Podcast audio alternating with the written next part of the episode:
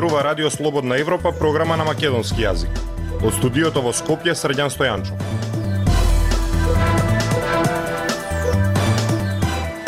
Го слушате неделното интервју на Радио Слободна Европа, почитувани. Наш денешен гостин е професор Трајко Славески, председател на Советот на град Скопје и член на извршниот комитет на ВМРО ДПМНЕ. Конфликтот меѓу ВМРО ДПМН и Скопската градоначалничка Даниела Арсовска нема да влијае на ветените проекти за граѓаните, вели тој. Сепак Славески додава дека Арсовска ќе биде под засилен надзор од Советот. Во однос на економската ситуација, тој вели дека Народната банка треба поагресивно да ги зголеми каматните стапки за да се бори против инфлацијата. Слушајте не. Господине Славески, на две недели до почетокот на грејната сезона се уште е нејасно дали скопјани ќе имаат парно и од кого.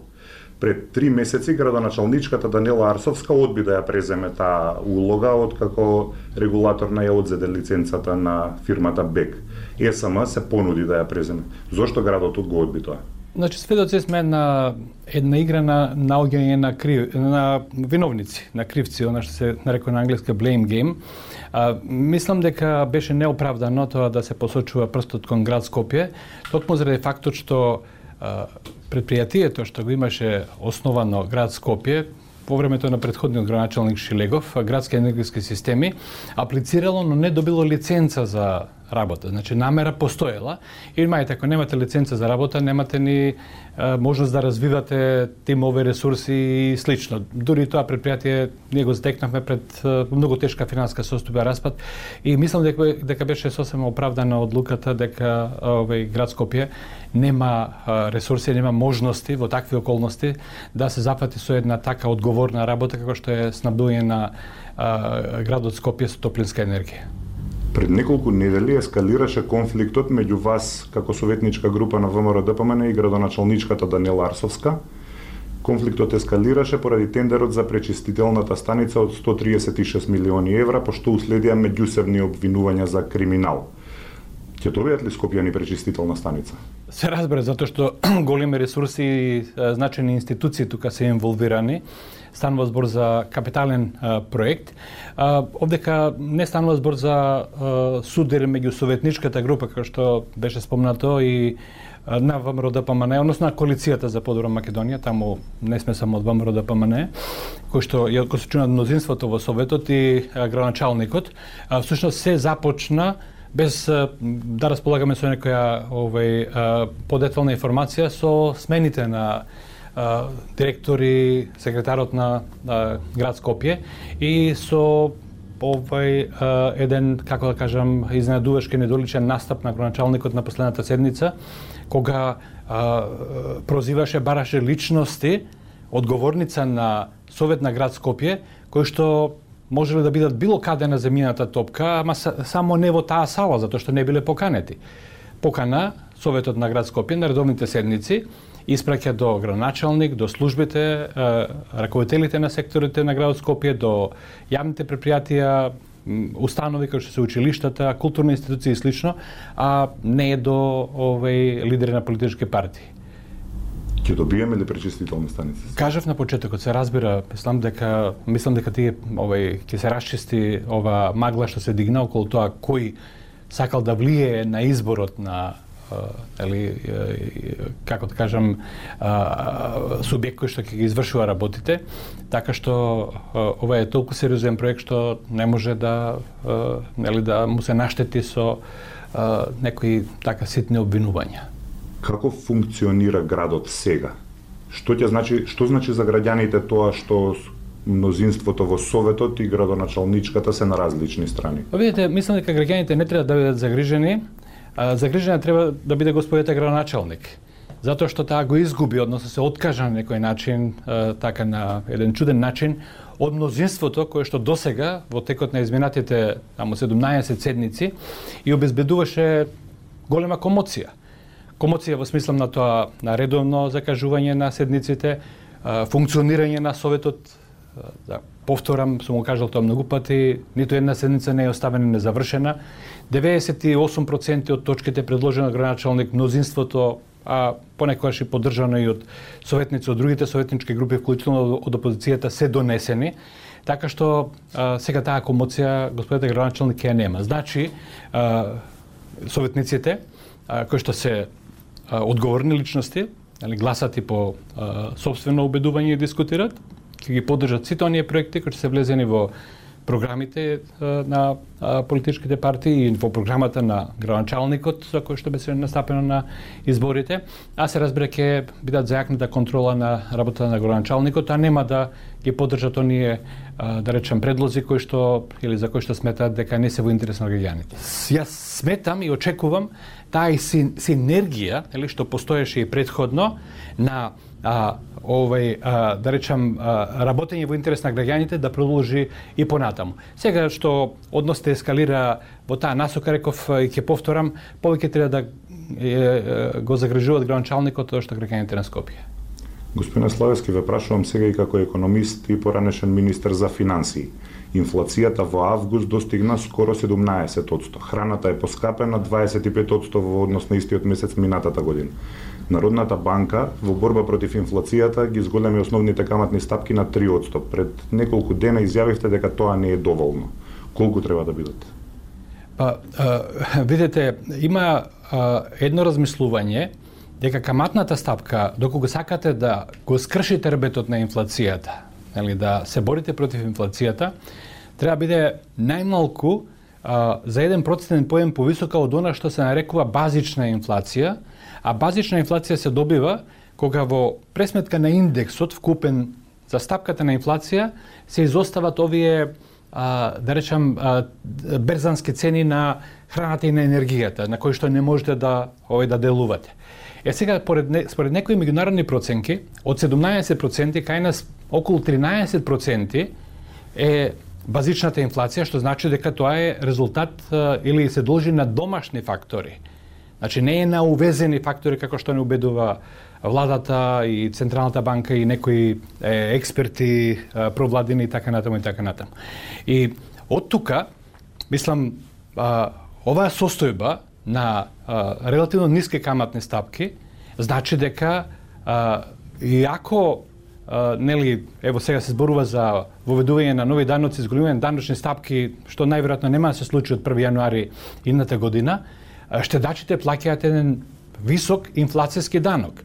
Ево, пример, вие ако имате 1000 денари за штедени, А, така со зголемување на каматните стапки година, ги заштитите за, за една година, значи за една година а, губите 15% од вредноста. Тие 1000 денари после година дена ви вредат 850 денари, не така. Така е, со зголемување значи, на каматните стапки ќе ги, заштитите, тоа ги заштитите да, да, штетачите. За Но како ќе влијае на, да. на бизнисот, затоа што кога ќе им поскапат парите за поземување, вете, тоа веројатно ќе Видите, нема нема нема како да кажем, нема лесен одговор, некогаш треба да се плати цената барем на краток рок, затоа што па одржување на висока стапка на инфлација не му користи на бизнисот. Во услови на инфлација, планирањето е речиси невозможно.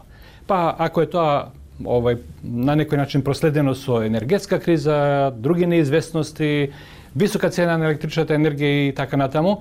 Така што а, мислам дека Централната банка треба да а, повеќе внимание посвети на она неизина првенствена цел. Значи, првенствена цел на Централната банка е ценовна стабилност и се разбира како секундарна цел е поддршка на економските политики кои што водат до одржување на економската активност во земјата. Сметате дека а е фигуративно се изразам така со дигање рачна повеќе ќе ќе се помогне повеќе ќе му се помогне. Видите на овој начин, на овој начин а, со ваква монетарна политика која што а, сериозно доцне, а, на некој начин се доаѓа во состојба на апрецијација на вредноста на девизниот курс. Што сакам да кажам, она што ние од 97 година се до неодамна успеавме да го одржуваме фиксниот девизен курс на денарот, нема тука мистерија се должеше на фактот што инфлацијата во Република Македонија беше скоро еднаква или во рамките на инфлацијата во земјите од еврозоната. Нешто пред, под, под 2%, нели под 2%. Сега имаме двојно повисока стапка на инфлација одошто во земјите од еврозоната. Па видите сега, млечните производи по килограм, месните преработки и така натаму, достигна цени изразени во евра кои што се повисоки од тие на европските пазари. Тоа треба длабоко да ја загрижи Централната банка и треба да а, повеќе внимание посвети во борбата против инфлацијата. Значи, девизниот курс апрецира, нашите стоки стануваат поскапи за странските заинтересирани купувачи и тоа ќе влијае неминовно на проширување на јазот во платниот биланс, значи дефицит во платниот биланс, поголемо задолжување, губење на девизни резерви и така натаму и така натаму. Само да спомнам, ево вака не, не е тоа нешто овој врз основа некоја пресметка, но моја проценка е да имаше друг гувернер. Во сега например да беше гувернер на Централната банка господинот Гошев, во моментов ке имавме каматни стапки над 10% од а, а, Централната банка. Затоа што во една предходна криза, 2008-2009 година, вели во март 2009 година каматна стапка на Централната банка достигна 9%. Зборувавме за борбата против инфлацијата од страна на Народната банка, но може ли владата да направи нешто да интервенира со некакви фискални мерки? И тука, и тука, а, а, а, внимајте, она што сега а, секој здраворазумски би го препорачал е да се одржуваат помали буџетски дефицити. Значи, штедење и намалување на буџетските дефицити. Тоа е она мерка што се препорачува. Но од друга страна, затоа велам нема нема лесен избор. Од друга страна, од сите страни доаѓаат повици до владата за поддршка и на граѓаните и на предпријатијата во оваа тешка нели криза која што престои на енергетски план. Така што овој состојбата е прилично сложена и треба како одејки по жица да се бара најмалото зло а, во ваква во ваква ситуација. Децениското занемарување на енергетиката во Македонија дојде до наплата минатата година и ова. Увезуваме една третина од струјата, но сега струјата на светските берзи е многу поскапа од колку што беше. Што може да направиме на краток рок за да ја пресретнеме ова енергетска криза и што треба да се чини на долг рок? На крат, немајте краткиот рок не го дефинираме период од неколку месеци, 6 месеци и така натаму. На краток рок ние не можеме кој знае што да направиме. Ке ја платиме цената. Дај Боже да има електрична енергија, нели, но по која цена ќе ја набавуваат нашите компании, тоа е сосема друго прашање.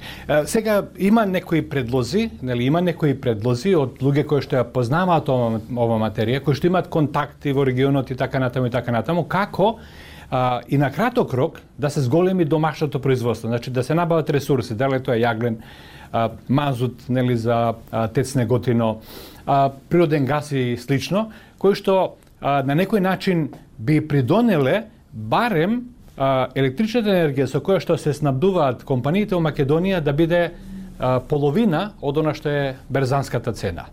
А се разбира Uh, нели како што кажавте вие причините лежат многу многу подлабоко во минатото, а сега во блиското минато мислам а, она лежерност со која што а, ние нашата влада помисли дека ево ќе се ослободиме од овие традиционални извори на енергија, па видите некои почна да кажуваат датуми кога ќе се затвори овој рек Битола, па термоцентралата Осломе и требаше да се намени да затвори во фотонапонска централа. Нели постои една овај изрека народна но бунар копај, ама не плукај во стариот. И мислам дека луѓето што е во нашата и економска енергетска политика а, ги овај заборавиле на на таквата препорака за однесување дека во тие транзициски периоди на вистина треба пред се да водите сметка за интересот на граѓаните, фирмите, економијата, а, обновливите извори на енергија гледаме доаѓаат полека, но се уште, нели се уште светот се подпира на традиционалните извори, а, вклучително и ево природниот а, газ нели кој што ние го немаме. Ви благодарам на издвоеното време. И јас ви благодарам на поканата. Го слушавте неделното интервју на Радио Слободна Европа почитувани во кое гостуваше Трајко Славески од ВМРО ДПМН. Од студиото во Скопје со вас беа продуцентот Дејан Балаловски и Срđан Стојанчов. До слушање.